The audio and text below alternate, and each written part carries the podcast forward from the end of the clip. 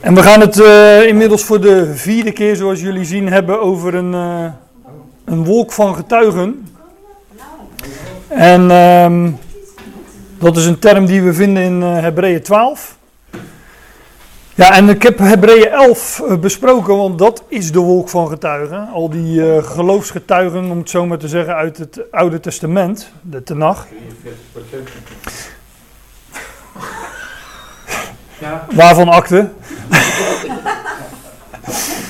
um, en ik heb uh, van Hebreeën 11 besproken de versen 1 tot en met 32. Dus dat zijn al aardig wat versen. Maar er zijn ook wel uh, een paar versen van Hebreeën 11 die we nog niet hebben besproken. En um, ik wilde aankomen in Hebreeën 12. Maar uh, daar ga ik nu ook aankomen. Maar ja, om nou de heel Hebreeën 11 te gaan herhalen of lezen. Ik heb dat vorige keer ook gedaan. Toen heb ik gezegd van nou, deze getuigen hebben we tot nu toe besproken. Dus uh, nou, dit zijn ze allemaal, geloof ik. Check het maar, zou ik zeggen. Maar dit zijn de geloofsgetuigen die we in Hebreeën 11 vinden en die in Hebreeën 12 dan een wolk van getuigen noemen, uh, de, genoemd worden. Nou, dan heb ik een aantal versen van Hebreeën 11 niet besproken. Dat is dan vers 33 tot 40. Die versen wilde ik eigenlijk overslaan om uh, in Hebreeën 12 aan te komen. Maar ik, ik, ga ze wel een beetje overslaan, maar toch niet helemaal. Ik ga ze gewoon lezen. Um, want hier stopt in Hebreeën 11 vers 32 stopt de opsomming van de getuigen. En dan worden er nog uh, wat algemene beschrijvingen gegeven. Um, wat we straks dus zullen lezen. In dit vers ben ik vorige keer geëindigd. Wat zal ik nog meer zeggen? Want ik kom tijd tekort als ik ga vertellen over Gideon, Barak, Simson, Jefta, David en Samuel. En de profeten dan maar uh, samengevat. En Samuel was de laatste richter en de eerste profeet. Dus daar houdt het uh, dan op. Maar ja, je zou die opsomming, dat zegt de schrijver eigenlijk, uh, nog uh, eindeloos door kunnen voeren. Enzovoorts, enzovoorts. Dat is eigenlijk wat hij zegt. Alleen, ja, hij heeft er een aantal gegeven. En ik heb vorige keer wel ook aangegeven dat degene, al die geloofsgetuigen die hij voor het voetlicht brengt, ja, die uh, hebben allemaal op de een of andere manier ook te maken met de situatie waarin die Hebreeën zich bevonden. Nou, nu lees ik gewoon verder vanaf vers 33 en lees ik het hoofdstuk uit. En ja, daar geven, zal ik wel wat commentaar bij geven, maar niet uh, uitgebreid dat ik het vers voor vers en zinsdeel voor zinsdeel helemaal uh, bespreek zoals de voorgaande versen. Ja, wat zal ik nog meer zeggen over Gideon, Barak, Simpson, Jefta, David, Samuel en de profeten? Die door geloof koninkrijken bedwingen. Ja, nu zou je natuurlijk allerlei voorbeelden daarvan kunnen gaan zoeken. Van wie heeft er dan koninkrijken bedwongen? Nou ja, er zijn natuurlijk wel voorbeelden van, uh, van te geven. Die rechtvaardigheid werken, die beloften verkregen. Beloften staat hier, meervoud. Want um, ja, aan het einde van Heb Hebreeën 11, daar kom ik toch straks op, staat juist dat uh, deze alle hebben door het geloof getuigenis gekregen, hebben de belofte niet ontvangen. En daar staat de belofte, een enkelvoud. Maar er zijn natuurlijk geloofsgetuigen aan te wijzen die beloften kregen, en die ook daadwerkelijk ontvangen hebben. Denk aan Jozua, die de belofte had ontvangen. Eh, alleen al omdat hij deelde in dat volk van Israël en die het beloofde land inging. Maar eh, er zijn er ook die de belofte dus niet ontvingen. Of de belofte niet ontvingen. En het beloofde land niet ingingen. Alleen de beloften hier is dus wel iets anders. Maar daar kom ik dan straks al op. Dan de belofte in. Hebreeën 11, vers 39. De muil, die de muilen van leeuwen toestopten. Nou, daar kunnen we natuurlijk voorbeelden van aanhalen. Hè.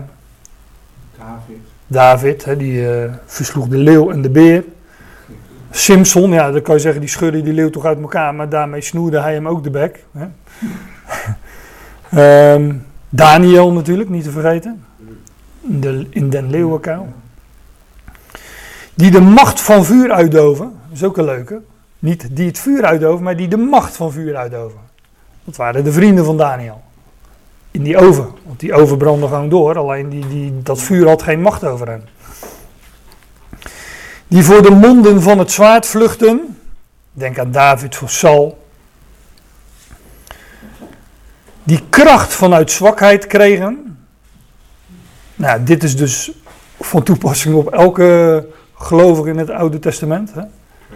Zegt Paulus dat ook niet? Uh, dat, uh, dat, wij, dat wanneer ik zwak ben, ben ik sterk. Want juist Gods kracht wordt in zwakheid, uh, hoe staat het, vervuld of voltooid.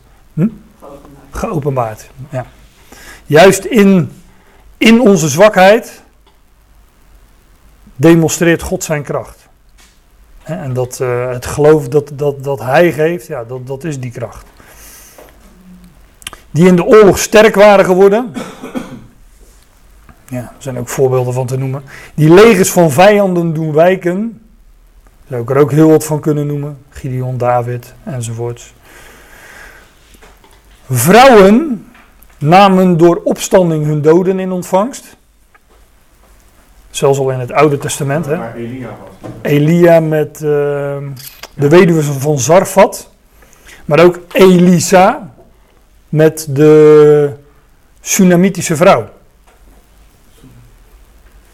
Die kreeg ook eh, haar zoon terug. Al uit de dood uh, werd haar zoon opgewekt. Nou, die Elia en Elisa die lijken nogal op elkaar. Dat is niet voor niks, maar allebei, uh, bij allebei vind je zo'n geschiedenis waarin een dode jongen werd opgewekt. Maar, maar anderen worden gefolterd en zien uit naar verlossing opdat aan hen een betere opstanding ten deel zou vallen. En zij werden dus, uh, ja, zij, zij, moesten hun geloof bekopen met de dood, dat staat er eigenlijk. Maar zij hoopten, zij verwachten een betere opstanding. Want ja, je kan zeggen wat je wil, maar die twee jongens die opgewekt werden door Elia en Elisa, die zijn later gewoon weer gestorven.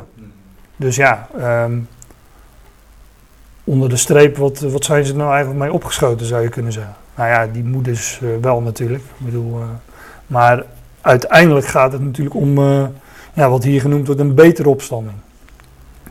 Weer anderen verduurden bespottingen, geestelingen en ook nog van boeien en van de cel.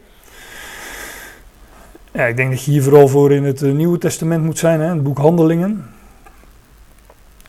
Ze worden gestenigd. Oh, dat vind je ook in de handelingen. Ze worden in stukken gezaagd. Die heb ik uh, volgens mij niet in de Bijbel gevonden. Maar... Het schijnt dat in die boeken van, boek of de boeken, dat weet ik niet eens, van de Maccabeeën. Dat, daar, uh, dat zijn apocryfe boeken zoals ze dat noemen. Dat daar ook wel wat van die uh, voorbeelden in genoemd worden. Ze worden. Elia werd op. Hm? Elia werd op. Nee. Is dat zo? Elisa en die boom. Ik weet niet wat voor boeken jij leest, maar. Ja, Dat is me niet, eh, Ja, kom jij er bij de koffie even op terug? Maar die Izebel was van plan dat te doen. Nee, Izebel is, de, Elia is wel iemand die ook vluchtte voor de mond van het zwaard, namelijk van Izebel. Ze wilden wel. Want zij wilden hem vermoorden, ja. Ja. Maar dat hij in stukken gezaagd eh, zou worden, ik weet niet of dat erbij staat. Nou, Jos zoekt het op en eh, we worden in de, in de pauze, in de, na, na de studie worden gebriefd, gedebriefd. Ze zwierven rond in schapenvachten en geitenvellen, terwijl ze tekort hebben, verdrukt worden, mishandeld worden. De wereld was hen niet waardig. Dat is wel een mooi, hè? zij zagen dus niet op de wereld, op aardse omstandigheden. Dat is ook zo'n woord van Paulus. Volgens mij is dat in Galaten dat, ehm, dat door het kruis de wereld voor mij gekruisigd is en ik voor de wereld. Oftewel, de wereld is dood voor mij en ik ben dood ten opzichte van de wereld. Ik sta er buiten. Ik Ga- heb gisteren de hele gelaten brief gedaan. Galaten 6 dus, ja. Het is altijd fijn om een concordantie in de zaal te hebben. Die dwalen in eenzame streken en op bergen en in grotten en in de gaten van de aarde. Elia bij de beek Krit, Da- eh, David in de spelonk van Adullam. Enzovoort. En deze allen, die door het geloof getuigenis verkregen hebben, hebben de belofte niet ontvangen. Want de belofte is wat anders dan de beloften. Ik denk dat dit specifiek gaat over de belofte van de, of van de Messias of van de zegeningen in de Messias. Want dat is natuurlijk uiteindelijk de belofte. En Die was al, eh, die was al beloofd vanaf de eerste bladzijde van de Bijbel. Hè. De, wat, wat in Genesis de moederbelofte genoemd wordt, geloof ik. Nou, zo wordt het niet in Genesis genoemd, maar zo noemen wij dat. Maar zij hebben de belofte niet ontvangen. De, de NBG, dat zal ik net nog even na te kijken. De NBG zegt hier het beloofde. Hier zie je de tweede is de, de NBG en de derde is de Statenvertaling en de bovenste is de geschriftenvertaling. Ja, is het nou de belofte of het beloofde? Blijkbaar kan het grammaticaal allebei.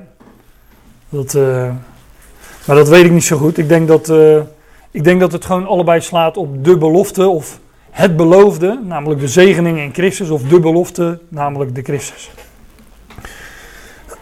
Vorige keer hadden we het even over, um, ik weet niet of jullie dat nog weten, moet ik het even opzoeken. Dat Mozes, vers 27 van Hebreeën 11, hij hield zich vast als ziende de onzienlijke. En de onzienlijke staat uh, in de Statenvertaling, maar ik had de geschrift, oh, dat kan ik wel laten zien natuurlijk, want het is hier vlakbij. Wat zei ik nou over 27? Kijk, als ziende de onzichtbare. En toen zei uh, Francis van ja, dat is uh, interpretatie, want het kan ook het onzichtbare zijn. Hè, en de onzichtbare, dat wordt, daar staat met de hoofdletter hier, dus daarmee denk je meteen, oh dat is God. Maar Francis zei van ja, misschien is het wel uh, het onzichtbare. En dan is die hoofdletter is natuurlijk interpretatie. Maar zo, kijk, ik zeg dan, um, ik heb er nog eens over nagedacht van de week, maar als je kan vertalen met de onzichtbare en het onzichtbare, als dat grammaticaal allebei juist is, dan is elke vertaling dus een interpretatie. Ja. Want dan is geen hoofdletter Z ook interpretatie. Dus, um, maar het gaat hier natuurlijk. Mozes leefde uit geloof. In geloof verliet hij Egypte zonder de woede, voor de woede van de koning bevreesd te worden. Want hij houdt stand als ziende de onzienlijke, of voor mij part ziende het onzichtbare. Maar in beide gevallen gaat het natuurlijk over God die gesproken heeft. Want ook als het gaat over als ziende de onzichtbare of de onzienlijke, dan is het tot Mozes gekomen door de door de onzienlijke. Namelijk door het onzichtbare, namelijk zijn woord. Maar de, de onzienlijke sprak tot Mozes en daar, uh, ja, dat geloofde hij. En uh, ik denk dat dat in uh, vers, vers 39, ja, dat is vergelijkbaar natuurlijk. Is het nou de, de belofte, die zou je ook nog met een hoofdletter kunnen schrijven, de belofte met een hoofdletter B. En dan zeg je, nou, dat is de Messias. Of is het het beloofde, maar dan, zijn het, dan, heeft, dan is het ook de Messias en de belofte in de Messias. Ja, dus vertalen is eigenlijk altijd toch een, uh, wel een soort van interpretatie. En daarom doen we Bijbelstudie om uh, op die berichten, op die, op, die, op die woorden en op die zinnen in te zoomen en kijken van ja, hoe staat het er nu uh, precies? Deze allen die door het geloof getuigenis verkregen hebben, hebben de belofte, het beloofde niet ontvangen, omdat God iets beters met ons voor heeft en vooruitkijkt, opdat zij, zoals die oud-testamentische getuigen, niet los van ons tot volmaaktheid gebracht zullen worden. Ja, dat, dat is een hele mond vol natuurlijk, maar God had nog een plan met degene aan wie hier wordt geschreven. En diegenen uit het Oude Testament zouden niet los van hem tot volmaaktheid gebracht worden. En dan komen we aan in Hebreeën 12. En dit is wel het hoogtepunt van, eigenlijk van de, van de opsomming.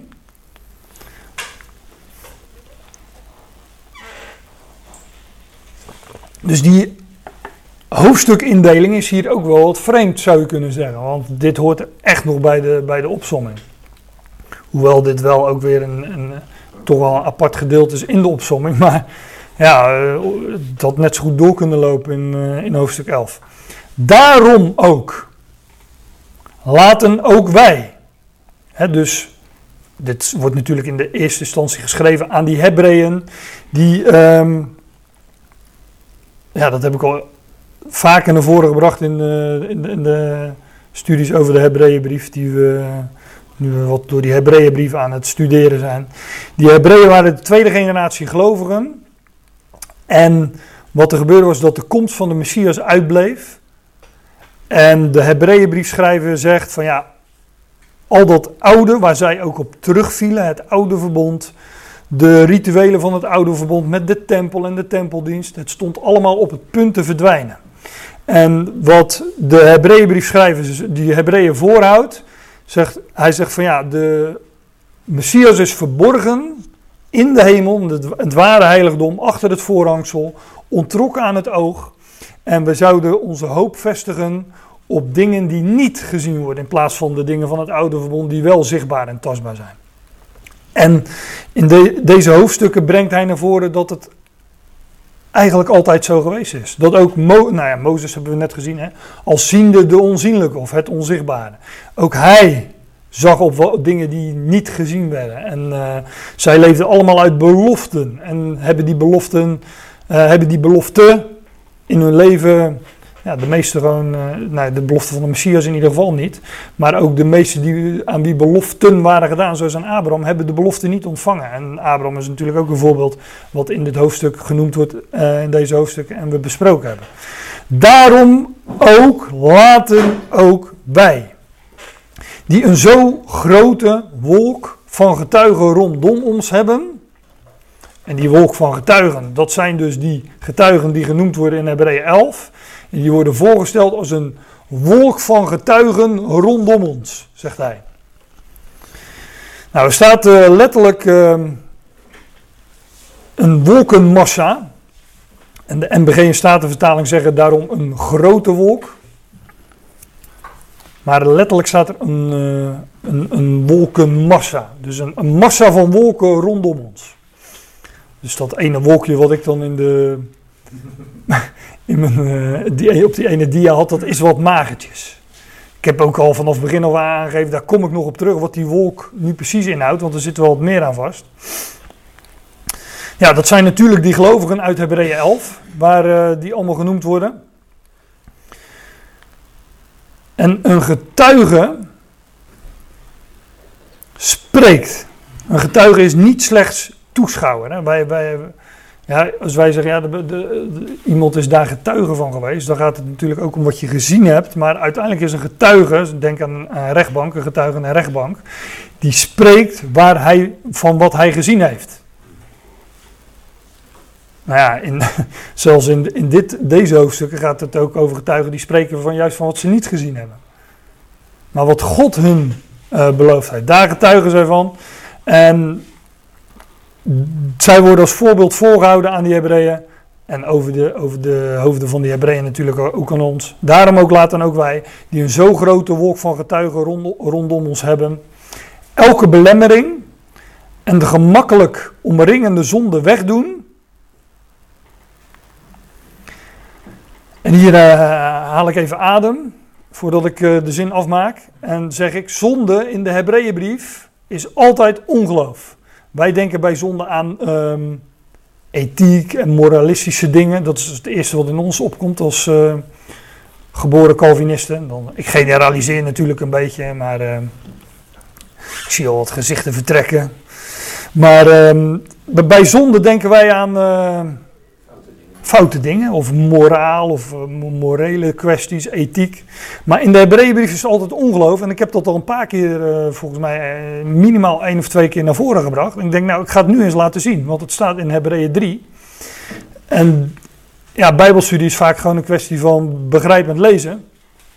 Want in Hebreeën 3, en dat is heel belangrijk in deze brief, wordt de woestijnreis van Israël aangehaald. En die wordt ook als voorbeeld aan die Hebreeën voorgehouden. En Eigenlijk wordt tegen die Hebreeën gezegd: van ja, aan jullie zijn beloften gedaan, net als jullie vaderen in het verleden, maar ook zij zijn uiteindelijk niet ingegaan. Kijk uit dat je niet in datzelfde voorbeeld valt. Dat wordt tegen hen gezegd.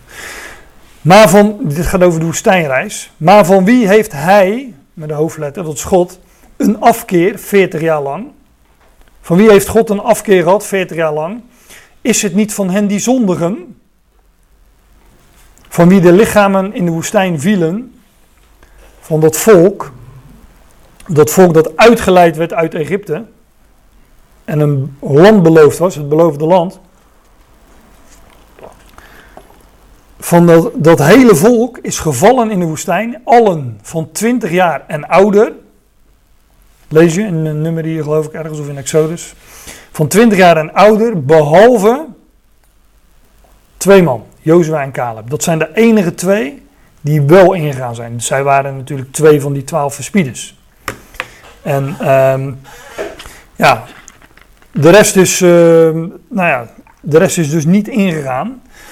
En God had een afkeer van hen, staat hier 40 jaar lang. Is het niet van hen die zondigen, van wie de lichaam in de woestijn vielen. En aan wie anders zweert hij dat zij niet in zijn rust zullen binnengaan. Aan, dan aan hen die ongehoorzaam zijn. Dus zondigen in dit geval is ongehoorzaamheid. Niet horen naar. en als je niet, niet hoort naar, want het gaat natuurlijk over God. Als je niet hoort naar God, ja, dan mis je als vanzelf je doel. Als je daar niet op vertrouwt. En dat is zonde. En wij zien dat zij niet konden binnengaan vanwege ongeloof. Hier heb je dus drie synoniemen voor uh, ongeloof. Zonde, nou ja, twee synoniemen. Zonde en ongehoorzaamheid. dus zondigen, je kan gewoon zeggen zondigen is teken, is ongehoorzaam of ongehoorzaamheid is teken ongeloof. En dat is in de hele Hebreeënbrief uh, is, dat, is, dat, uh, is dat het geval. Dus ook hier. Nou ja, laat ik maar gewoon. Uh, daarom ook laten ook wij die een zo grote wolk van getuigen rondom ons hebben, elke belemmering en de gemakkelijk omringende zonde wegdoen. He, dat ongeloof wat, wat ons zo makkelijk omringt. En met verduren de wedstrijd rennen die voor ons ligt. Hier gaat het dus over het rennen van een wedstrijd. Een, een loopbaan, een rembaan, zo wordt dat uh, ook elders genoemd, kom er zo nog wel op. Eerst even over dat uh, verduren. De meeste vertalingen zullen wel hebben volharden. Nou, de Statenvertaling heeft leidzaamheid, zie ik. Dat komt ook wel, uh, wel in de buurt van het woord verduren. Maar de MBG heeft volgens mij volharding. Maar volharding is, ja, dat, dat woord heeft een wat andere klank. Dat, dat heeft meer met kracht die uit jezelf komt te maken. Maar, maar verduren is meer iets uh, ondergaan. Eronder blijven, zo is het woord ook uh, opgebouwd. Je blijft eronder. En volharden is meer dat je je tanden ergens inzet, heb ik altijd het idee. Dat is een beetje de, de betekenis die, uh, die het woord volgens mij heeft. Hè? Volharden. Maar verduren is meer, ja, je ondergaat het. Je blijft eronder. Dus laten wij met verduren de wedstrijd rennen die voor ons ligt. En hier gaat het dus over, ja, hier gaat het over een, uh, over een renbaan, een loopbaan. Want uh, zo wordt dat ook genoemd in, het, uh, in de Statenvertaling. Laten we met leidzaamheid lopen de loopbaan die voor ons ligt. Maar hier wordt is het vertaald met een, met een wedstrijd. Maar Paulus vergelijkt die loopbaan van het geloof wel vaker met een renbaan of een wedstrijd. Deze, dit, dit, dit schriftgedeelte staat niet op zich. Komt echt wel uh, een aantal keren voor in zijn brieven. Bijvoorbeeld in 2 Timotheus 4. 2 Timotheus is Paulus zijn laatste brief. Dat zegt hij ook tegen Timotheus. Nou, ik, uh, binnenkort uh, ben ik er niet meer. En hij heeft dan wat dingen nog te vertellen aan, aan Timotheus. En dit is volgens mij het laatste hoofdstuk van, ja, het laatste hoofdstuk van de brief. En dan zegt hij tegen tegen Timotheus: Ik heb de goede of de ideale strijd gestreden. En dit woord strijd is hetzelfde woord als in uh, Hebreeën 12, vers 1, een wedstrijd. Ik heb de, de ideale wedstrijd gestreden. En dan zegt hij ook: Ik heb mijn loopbaan, loopbaan, renbaan, tot een einde gebracht. Paulus was aan het einde van zijn loopbaan. En hij zegt: Ik heb de. Hij, had de strijd. Uh, goed gestreden. Hij had de wedstrijd goed gelopen. Hij was binnen de lijntjes gebleven en uh, was op het juiste punt gestart. Hè, om even die, uh, die vergelijking te maken met, met de atletiek. Het is nu de Olympische Spelen natuurlijk, dus het spreekt heel erg tot de verbeelding. Alleen daar zit geen publiek, geloof ik. En hier is juist het idee dat er wel publiek is. Maar daar, daar kom ik dan zo wel op. Ik heb de goede, de ideale strijd gestreden. Ik heb mijn loopbaan tot een einde gebracht. Ik heb het geloof bewaard. Meestal staat er in de vertalingen behouden. Alsof Paulus zegt van nou ik heb heel die, uh, die baan uitgelopen en aan het eind geloofde ik nog. Maar dat is niet het idee.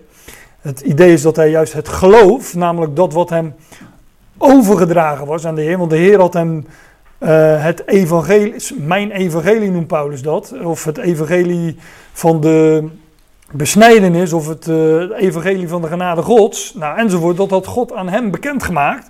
En dat is wat hij bewaard had. En dat predikt hij aan het eind van zijn uh, loopbaan nog steeds. En hier draagt hij het als het ware over aan Timotheus. Dus niet, ik heb het geloof behouden, hè, alsof hij over de streep kwam en zei van, nou, ik geloof gelukkig nog steeds. Nu kan ik mijn ogen sluiten. Nee, ik heb geloof bewaard. Het gaat veel dieper. Een ander voorbeeld, 1 Korinthe 9. Dat is echt een hele mooie. Ik heb daar een paar weken geleden in uh, Den Haag over gesproken, dus dat ga ik nu niet dunnetjes uh, overdoen. Ik luister vroeger als naar een bijbelleer, uh, nog steeds wel eens, maar die, zei altijd van, als je dat, daar zijn bandjes van. nou, hier zijn geen bandjes van, maar ik heb het wel opgenomen. Dus dat, dat is terug te luisteren. Maar weet, op zich spreekt het voor zich. Ik hoef het alleen maar te lezen, want het spreekt ook wel tot de verbeelding. Weten jullie niet dat zij die in een stadion rennen, en ook hier staat, zal in de meeste vertalingen staan een loopbaan of rembaan. Maar het woord stadio, het Griekse woord stadio staat hier. Weten jullie niet dat zij die in een stadion rennen, allen inderdaad rennen, maar dat één de trofee in ontvangst neemt? Ren dan zo dat jullie die zullen grijpen. Het idee is niet dat er slechts één als eerste over de streep komt en de prijs ontvangt. Dat is niet de metafoor dat Paulus ons voorhoudt van nou, uiteindelijk is er maar één die straks uh, de prijs ontvangt. Nee, wij zullen allen geopenbaard worden voor het podium van Christus. En daar zal het loon of de prijzen zullen daar uitgedeeld worden. Maar hier zegt hij, ren dan zo met deze instelling dat jullie degene zijn die dat zullen grijpen. Maar dat wees dan zo ingesteld, met die gezindheid. En hij heeft de metafoor van een, uh, van een renbaan, of zij die in een stadion rennen. Weten jullie niet dat zij die in een stadion rennen, allen dus wel rennen, maar dat één de trofee ontvangst neemt. Ren dan zo, met die gezindheid, met die instelling, dat jullie die zullen grijpen. En een ieder die strijdt, hier hetzelfde woord, daarom heb ik het even geaccentueerd. Ook dit woord, uh, dat is het woord in Hebreeën 12 vers 1 en uh, 2 Timotheüs 4 wat we net tegenkwamen. Wedstrijd. Een ieder die wedstrijdt. Zou je dus, maar dat is geen goed Nederlands geloof ik. Maar een ieder die strijdt, beheerst zichzelf in alle dingen. Kijk, het gaat hier over de instelling. Ren dan zo, hè, met die instelling. Want een ieder die strijdt, die die wedstrijden loopt, hè, zo in zo'n rembaan, die beheerst zichzelf in alle dingen. Het gaat hier over topsport. Hè? Paulus vergelijkt het leven van een gelovige met het leven van een topsporter. En hij zegt, en ieder die strijdt beheerst zichzelf in alle dingen. Die atleten beheersen zichzelf in alle dingen. Ze, ze trainen precies zolang als het moet, precies met een juist trainingsschema, uh, een voedingsschema dat er helemaal op afgesteld is, een rustschema dat er helemaal op afgesteld is. Nou, dat is dus focus, dat is dus focus, concentratie, dat is een bepaalde, een bepaalde gerichtheid, een bepaalde gezinte. En ieder die strijdt beheerst zichzelf in alle dingen. Diegene dan, om een vergankelijke lauwerkrans, hè, vergankelijke eer, in ontvangst te nemen. Ze werden toen, uh, de, toen de tijd gewoon met een, nou gewoon, we hebben nu bij de Olympische Spelen de medailles, hè, goud, uh, zilver en brons. Maar toen kregen we een uh, lauwerkrans van van wat takjes omhangen. Nou, dat heeft zelfs, uh, kijk, zo'n gouden plak die zou je nog wel kunnen verkopen. Dan heeft het nog wat uh, financiële waarde. Maar zo'n lauwkrans, dat is, dat is, dat is echt, uh, die ontvang je echt om de eer. Dus zij om een vergankelijke, hè, want, maar, maar wij, zegt Paulus, een onvergankelijke. Als dat zo is, zegt Paulus, hè, concluderend dat wij om een onvergankelijke om onvergankelijke eer, om onvergankelijke heerlijkheid strijden tussen aanhalingstekens. Als dat zo is, dan ren ik ook zo. Hè, ook met die gerichtheid, met die focus. Niet met een onduidelijk doel. Hè, van, ja, dan doe ik niet maar wat. Paulus heeft het over zijn leven als, uh, als gelovige, maar ook als, natuurlijk als apostel, als afgevaardigde. Zij, die atleten, die, die, die strijden om een uh, vergankelijke lauwe krans, maar wij om een onvergankelijke. En hij zegt, als dat zo is, dan ren ik ook zo. Niet met een onduidelijk doel, dus niet met van ja, ik, ik doe maar wat. Nee, met, met, met, een, met een gerichtheid zoals ook een atleet dat doet. En trouwens, als je, als je gericht bent op dat doel, zoals een atleet gericht is op het halen van die finish als eerste, dan ben je niet alleen maar bezig met focus op een aantal dingen die daar heel goed voor zijn, maar meteen zie je daarmee van allemaal andere dingen die, daar, die dat doel in de weg staan, zie je van af. Dus dat is, dat is letterlijk afzien. Omdat je gefocust bent, zie je, zie je ook andere dingen die, die, zijn, die, die hebben geen waarde. Die werken niet mee aan een doel. En ik eh, noem altijd maar uh, de paar glaasjes uh, alcohol op zaterdagavond. Dat gaat je niet helpen als je topsportbedrijf, geloof ik. Of nou ja, dat je vijf uur op je benen moet staan bij de opening van de Olympische Spelen. Dat zal ook niet echt helpen, denk ik. Openingsceremonie gezien. nou, die schijnt heel lang geduurd te hebben. En nou, dan sta je daar totdat je. Hoe is dat? Een ons Ja, totdat je een ons weegt of dat je hoe noemen ze dat, stalpoten hebt. Of hoe, wat noemde jij net over... Uh, van die uh, nou, zware benen in ieder geval. Was hij. Restless legs. ja, dan ga je niet helpen als je een paar dagen later de, de 100 meter moet lopen. Nou ja, dat dus. Maar focus, en focus betekent ook meteen afzien van andere dingen. Hier noemt hij nog een vergelijking. Ik box zo niet als iemand die in de lucht slaat. Nee, je probeert die tegenstander te raken, maar niet alleen maar te raken, maar ook nog eens op de plek waar je, moet, waar je hem het beste kan raken. Ja, ja, dat is wel de bedoeling. Maar ja, dan zijn er ook bepaalde plekken die daar, uh, waarbij je eerder tot zo'n knock-out komt dan. Uh, ja, er zijn wel gewoon bepaalde plekjes voor. Ik zal het straks even demonstreren.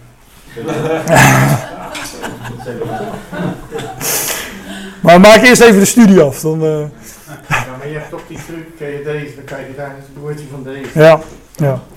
Maar Paulus geeft die twee vergelijkingen van topsports. En toen had je die Olympische Spelen al. Hè. En, uh, in, uh, in, in Korinthe, daar in de buurt, had je de. Ik vergeet die naam altijd. Ik, de is, is, Ismitische Spelen of zo, zoiets is het.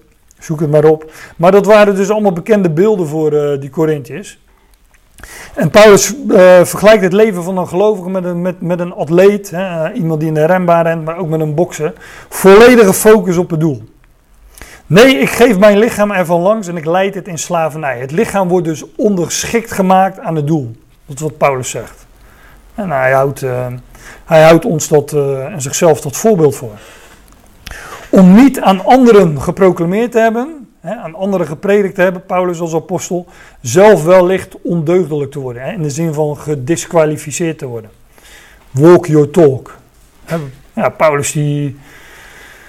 Paulus die. ja, wat, wat hij doet in dit hoofdstuk, dat, dat heb ik niet eens gezegd, maar ik zou daar ook niet te diep op ingaan. Maar hij zegt van ik ben de zwakke, voor de zwakke zwak geworden. Uh, voor degenen die onder de wet zijn als onder de wet. Voor degenen die uh, niet onder de wet zijn als niet onder, was ik niet onder de wet. Nou, enzovoorts, enzovoorts. Dat zegt hij allemaal in het voorgaande. Hij, hij, zegt, hij valt het samen. Hij zegt, ik heb alles over voor het evangelie. Alles. En dan noemt hij dit als, vol, als metafoor uit de sportwereld.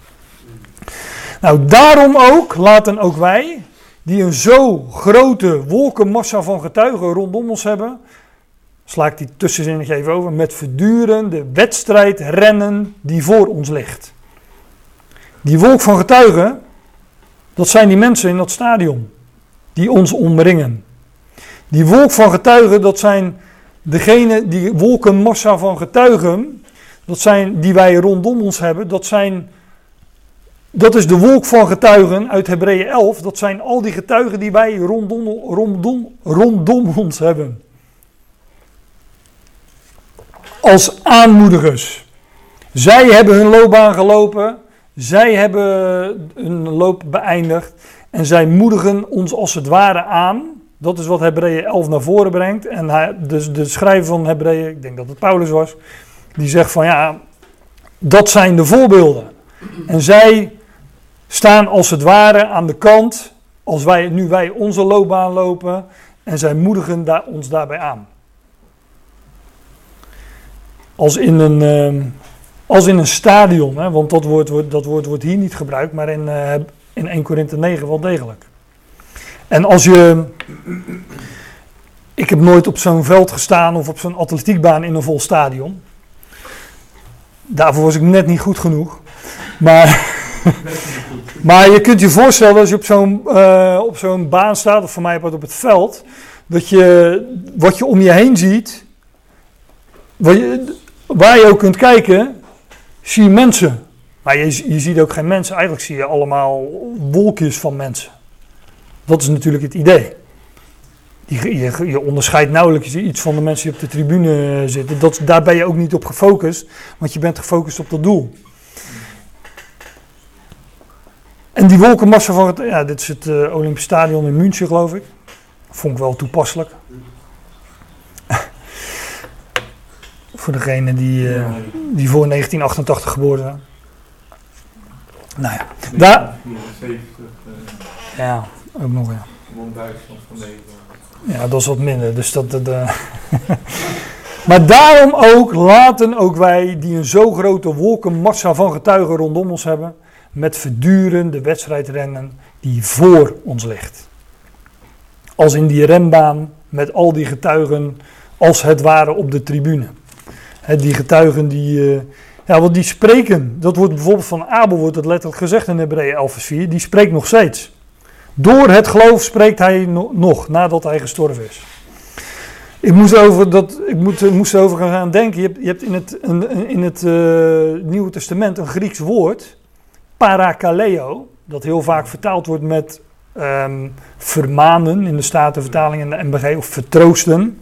Maar dat woord dat is letterlijk ernaast plus roepen. Zo is dat woord opgebouwd. Dus meer in de zin van aanmoedigen of bemoedigen. Nou, dat zijn, eh, wij worden dus aangemoedigd, parakaleo, bemoedigd, door die geloofsgetuigen in Hebreeën 11. En die staan, zitten als het ware als een wolkenmassa om ons heen op de tribune, terwijl wij de eh, loopbaan, de rembaan van het geloof lopen, eh, rennen. Ja, zij hebben die loopbaan ook gelopen en zijn ons voorgegaan. Dus zij, zij weten ook dat dat eh, nu en dan zwaar kan zijn, maar zij, zij moedigen ons aan. Ja, la- laten wij, laten ook wij die een zo grote wolkenmassa van getuigen rondom ons hebben met verduren de wedstrijd rennen die voor ons ligt. En dan komt nog de allerbelangrijkste getuige die nog niet genoemd is. En laten we de blik wenden tot Jezus. De initiatiefnemer, zegt deze vertaling, en de tot volmaaktheid brenger van het geloof. De overste leidsman en voleinder des geloofs, zegt de Statenvertaling. Dit woord eh, initiatiefnemer of ehm, overste leidsman, ja, dat heeft te maken met de oorsprong. Hij is de, de eerste, archegon, Griekse woord, heeft ook alles met de eerste te maken. Volgens mij zit dat archegon ook nog in het woord eersteling. Hij is de eerste, de eersteling, hij, en die de, die de loopbaan heeft gelopen, de loopbaan van het geloof. Hij loopt voorop, zeg maar, en we zouden hem volgen. Dat is, dat is hier ook het idee. Hij is de initiatiefnemer, de overste leidsman. Hij leidt ons. Laten we de blik wenden tot Jezus, de initiatiefnemer of overste leidsman. En de tot volmaaktheid brenger, de voleindiger van het geloof. Want hij, hij, ja, hij heeft inderdaad die loopbaan des geloofs tot volmaaktheid gebracht. Voleindigd, dat Griekse woord eh tele, nou ja, enzovoort. Dat zit het woord telos in, maar dat heeft ook met einde te maken, maar ook met einddoel. Hij heeft het einddoel behaald. De- hij, ging, hij ging tot, hij is, eh, hij, hij, hij, heeft, ehm, nou, ook hij heeft geleefd uit geloof. Hij heeft ook geleefd uit geloof. En hij heeft die loopbaan ten volle voleindigd. Som, som, dat zegt de Hebreeënbrief volgens mij ook. Ehm, dat hij gehoorzaamheid heeft moeten leren. Ehm, maar hij heeft dus die loopbaan ook geëindigd. En- en hij is in alles ons gelijk geworden. Maar zonder zonde. Zonder ongeloof. Hij is de overste leidsman en voleinder van het geloof. Zou ik ook even gaan... Ja, dan- dat, wordt een beetje, dat wordt een beetje raar met die camera. Dan, eh, nee, dat doe ik maar niet.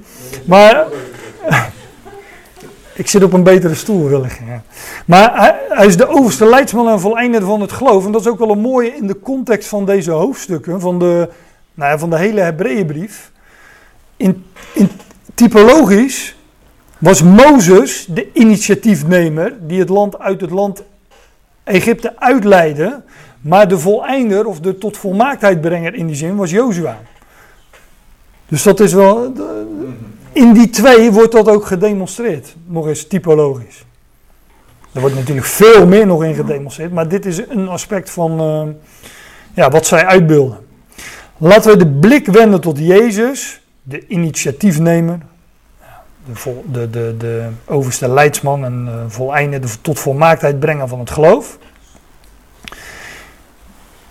die met het oog op de vreugde die voor hem ligt. Nogmaals, hij leefde uit geloof. Ook Jezus leefde uit geloof. Dat, weet u, dat, we, dat is hier niet onbekend, denk ik, dat ik dat zeg. Maar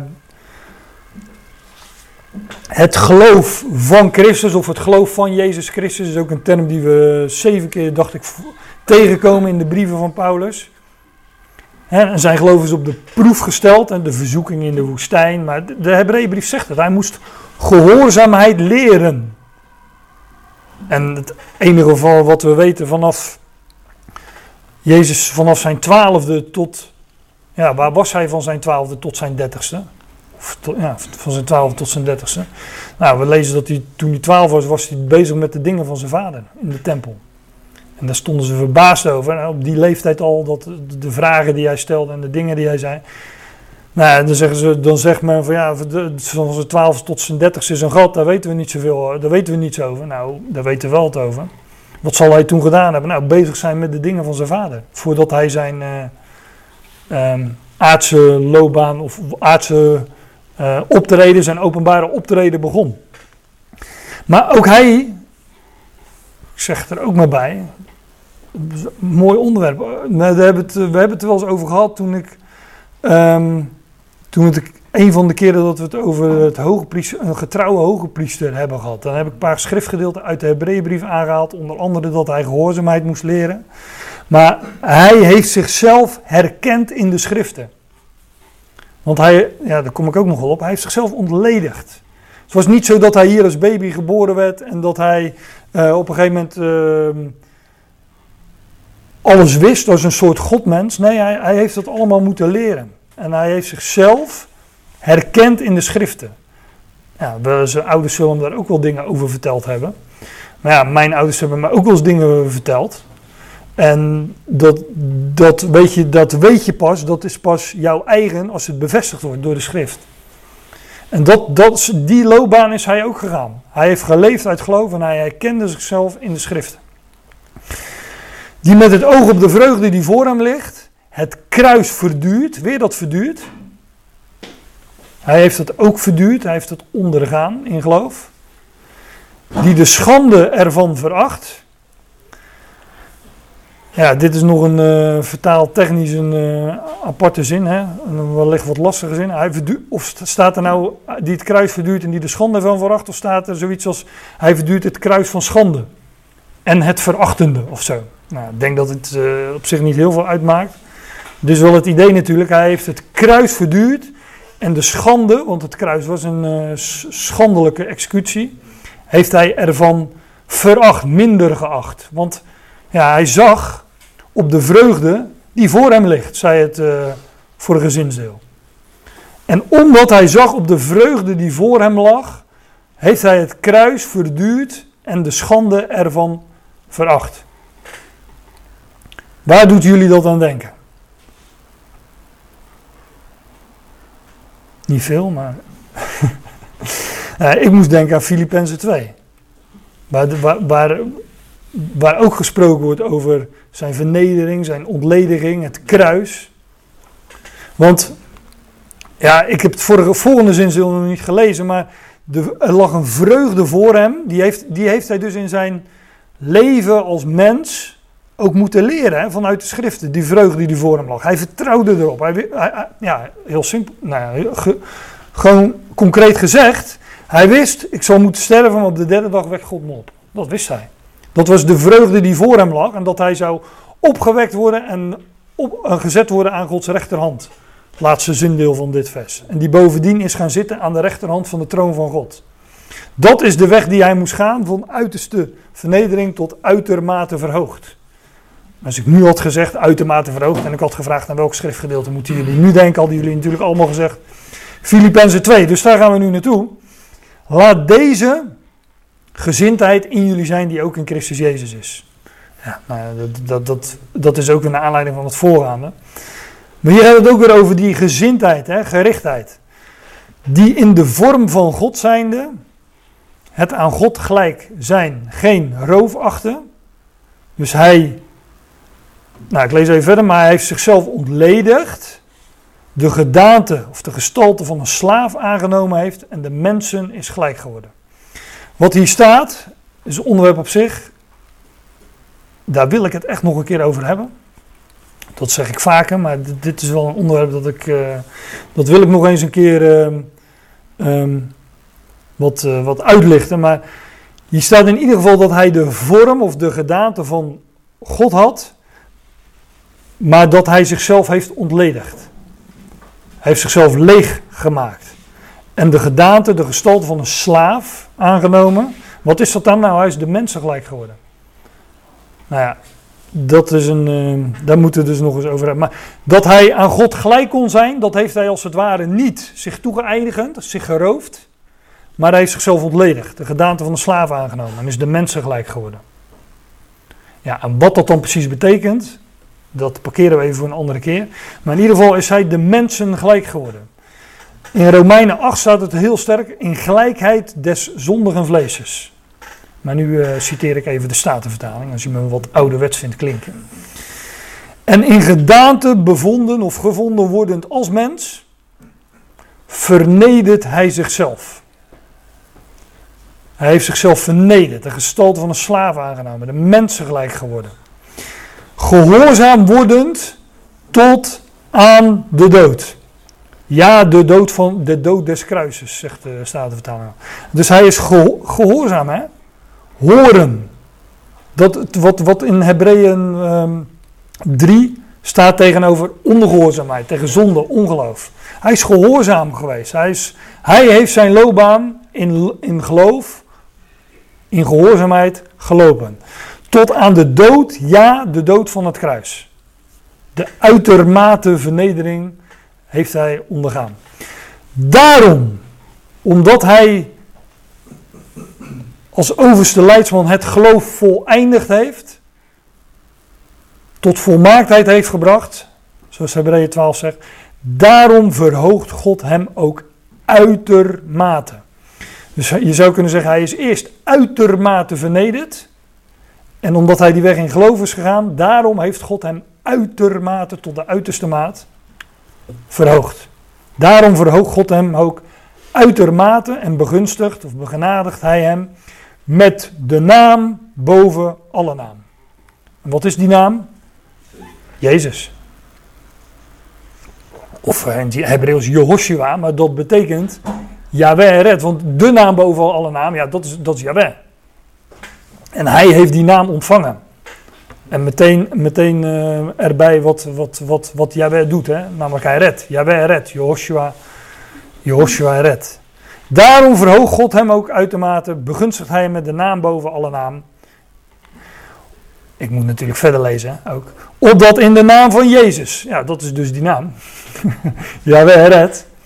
Opdat in de naam van Jezus alle knie, elke knie zich zou buigen. van hemelsen, van aardsen en van onderaardsen. Zijn er nog andere categorieën? Nee, lijkt me niet.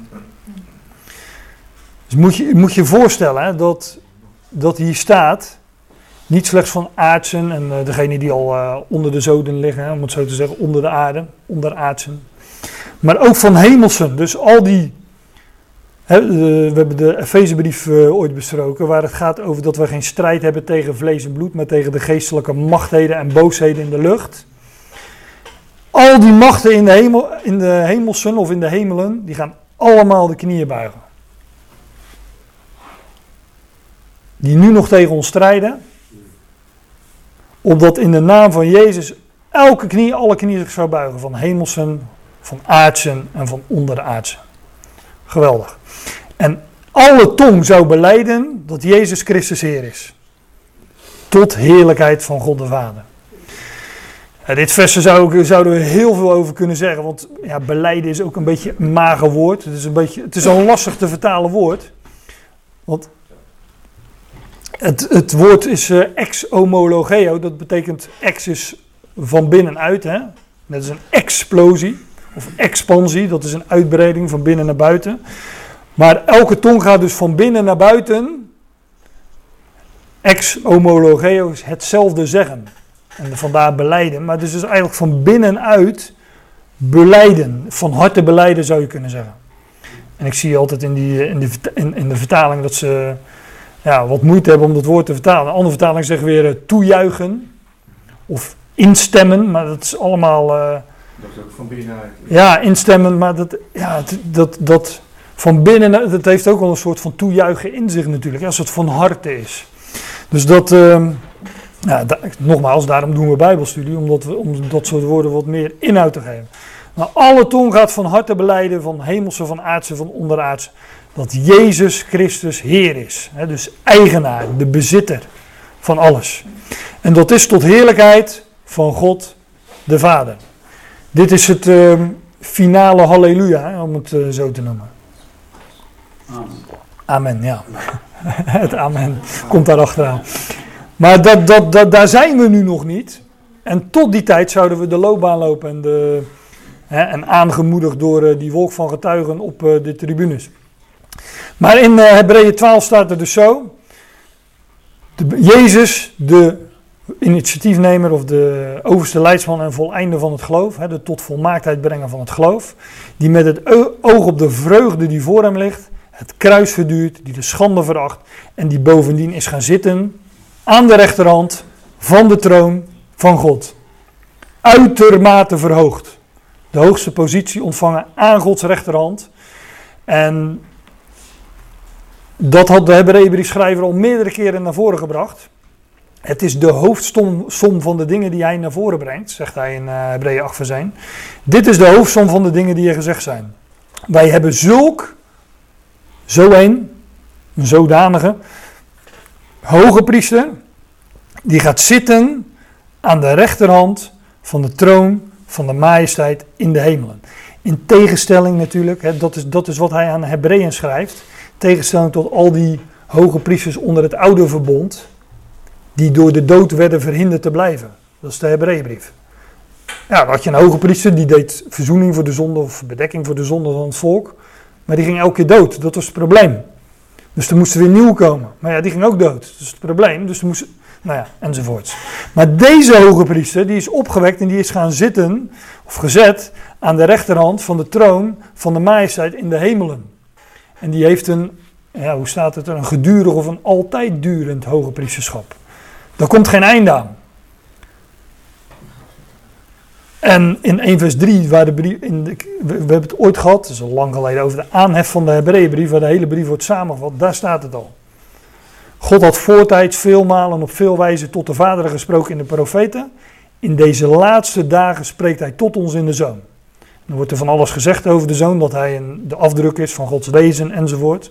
Maar die gezeten is of gezet is aan de, in de, nou, aan, de, aan de rechterhand van de troon van de majesteit in de hemelen. Of zo, zo, staat, zo begint meteen de brief al. Nou, en hier in 8 vers 1, maar ook in 10 vers 12 vind je het ook.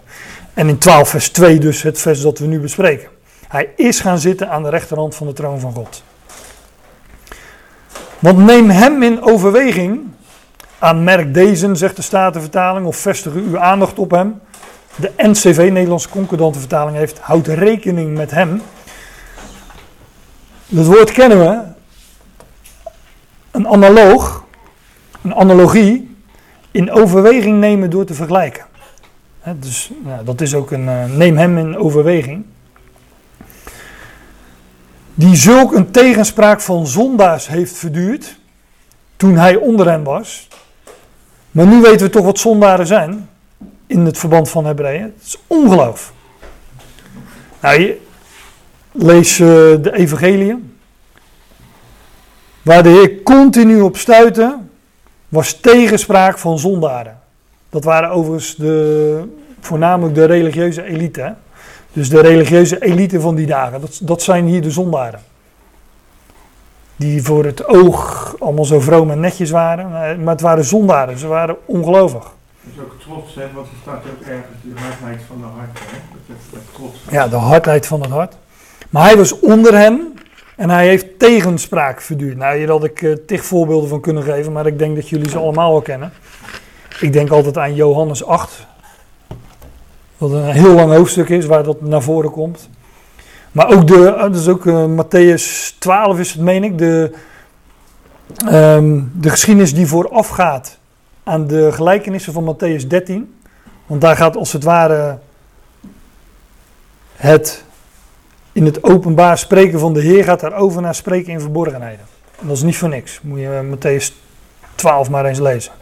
Maar hij heeft een tegenspraak van zondaren, zondaars verduurd toen hij onder hen was. Opdat jullie niet verflauwen en bezwijken in jullie zielen. En ook dat, dat was de situatie van de Hebreeën. Zij stonden op het punt te bezwijken voor de druk van hun volksgenoten. Van, van de religiositeit dus ook. Nou, en de Hebreeërs briefschrijver houdt hen ook het voorbeeld van de Heer zelf voor hen. Die onder die tegensprekers, zondaren was geweest. En hij zegt, hij heeft die weg ook doorstaan. Neem hem in overweging. Aanmerkt hem, ziet op hem. Opdat jullie niet verflauwen en bezwijken in jullie zielen. Jullie hebben nog niet ten bloede toe weerstand geboden, strijdende tegen de zonde. Ja, ik wilde eigenlijk stoppen bij vers 3, maar ik denk ik pak dit vers er nog even bij, omdat dit vers echt heel vaak verkeerd begrepen wordt. Want ehm, men zegt dan vaak van, ehm, voor mij staat dat ook in een van de formulieren, dat, ja, ik ken die formulieren niet zo goed, maar de, de doopformulier, dat wij ons hele leven strijden, zouden strijden tegen de zonde. Sta- dat staat toch ergens? Ja. Ik had er gisteren. Avondmaalsformulier. Aha. Nou, vandaar. En dan moet je natuurlijk jezelf, eh, Ja, jezelf onderzoeken of je... Nou ja. Maar wat de, wat, wat de schrijver de Hebreeën voorhoudt, en nu weten we het intussen wel toch, dat zonde is ongeloof. Hij houdt hen de Heer als voorbeeld voor, die met tegenspraak, met zondaren, met ongeloof had te maken, continu. En die Hebreeën zaten ook in zo'n situatie. Dat zij waren tweede generatie gelovigen, maar zij waren, zal de Hebreeuwse roots natuurlijk. En zij stonden op het punt te bezwijken en te verflauwen. En terug te vallen op dat oude verbond. En op de rituelen enzovoort. En ze moesten daarbij zelfs de zoon van God openlijk te schande maken. Dat lees je ook. En aan hun wordt het, het ultieme voorbeeld voorgehouden, de Heer Jezus zelf. Die wel tot ten bloede toe weerstand heeft geboden tegen de zonde. In zijn strijd tegen de zonde. Hij heeft het uiteindelijk met zijn eh, bloed en met de dood moeten bekopen. Nou, dit wordt ehm, optornen, staat hier geloof ik, hè, optornen. Dat kennen we misschien ook voor degenen die een beetje Engels kennen. Antagonize. Zie je, herken je daar nog in terug. Hè, opwerkend tegen. Ja, is dat ook een Nederlands woord? Antagonisme. Anta oh ja, een antagonisme. ja. Ja. Maar ik ken niet zoveel van die dure woorden, dus ik, eh antagonize ken ik wel in, uit Engels. Dus, eh, nee, Maar ook met de spierstelsel. ik heb geen flauw idee, jongen. Ik heb echt geen flauw idee. Ja, maar ook antagonisme. Oké. Nou, straks krijgen we een lezing over het menselijk lichaam door eh Sebulon. Ja. Het brein. Maar nogmaals, zonde in de Hebreeënbrief is ongeloof. Trouwens, uiteindelijk is zonde altijd een De aspect van ongeloof. Of het nou moreel of ethisch verkeerd is, dat heeft ook met ongeloof te maken. Maar strijden tegen ongeloof is niet het actief strijden, ook de, ook, nou, is mijn zin afmaken, het actief strijden tegen ongeloof. De Heer heeft ook niet actief tot den bloede weerstand geboden tegen de zonde. Dat woord weerstand zegt het eigenlijk al. Hè? En we kwamen in deze vers al een aantal keren verdurend tegen. Hij onderging het. Hij verduurde. En ja, als hij in gesprek was met die zondaren, met die ongelovigen, ja, dan bood hij weerstand. Maar wat deed hij dan? Hij ging er wel figuurlijk met de bottenbijl in. Maar hij zei, er staat geschreven. Of weten jullie dan niet dat... Nou, en dan volgende een citaat uit de schrift. Dat was zijn strijd tegen de zonde. Maar wat, wat was die strijd? Nou, blijven staan. En ik heb de wapenrusting uit uh, Efeze 6 maar aangehaald, omdat we die wel eens besproken hebben. Maar ook daar staat, stand houden. Sta dan. Um, zodat jullie weerstand kunnen bieden aan. Je staat op het woord en dat wordt voorgesteld in een harnas, een helm, een, een zwaard. Uh, ik zal nog wel één of twee vergeten. Maar die wapenrusting die zouden wij dragen en staan op dat woord, op Gods beloften en wat hij heeft gesproken. En dat, dat is de strijd tegen de zonde. En niet de strijd tegen je, hoe noemen ze dat, je eigen zondige natuur of zoals men dat allemaal benoemt. Ook geen bijbelse termen trouwens. De strijden tegen, is de enige keer dat het in de Bijbel genoemd wordt volgens mij. Maar hier is duidelijk wat het is. Het is weerstand bieden tegen ongeloof. Hm? Ja, vurige pijlen die de boze afschiet. En wat doe je dan nou? Schild omhoog. En als je op je helm komt, doe je ook niks. En gaan pok, die wordt afgeketst. ja.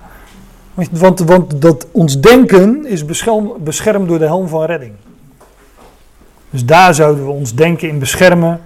En, uh, en het hart, hè, het borstharnas, wordt beschermd door uh, dat borst, uh, ons hart.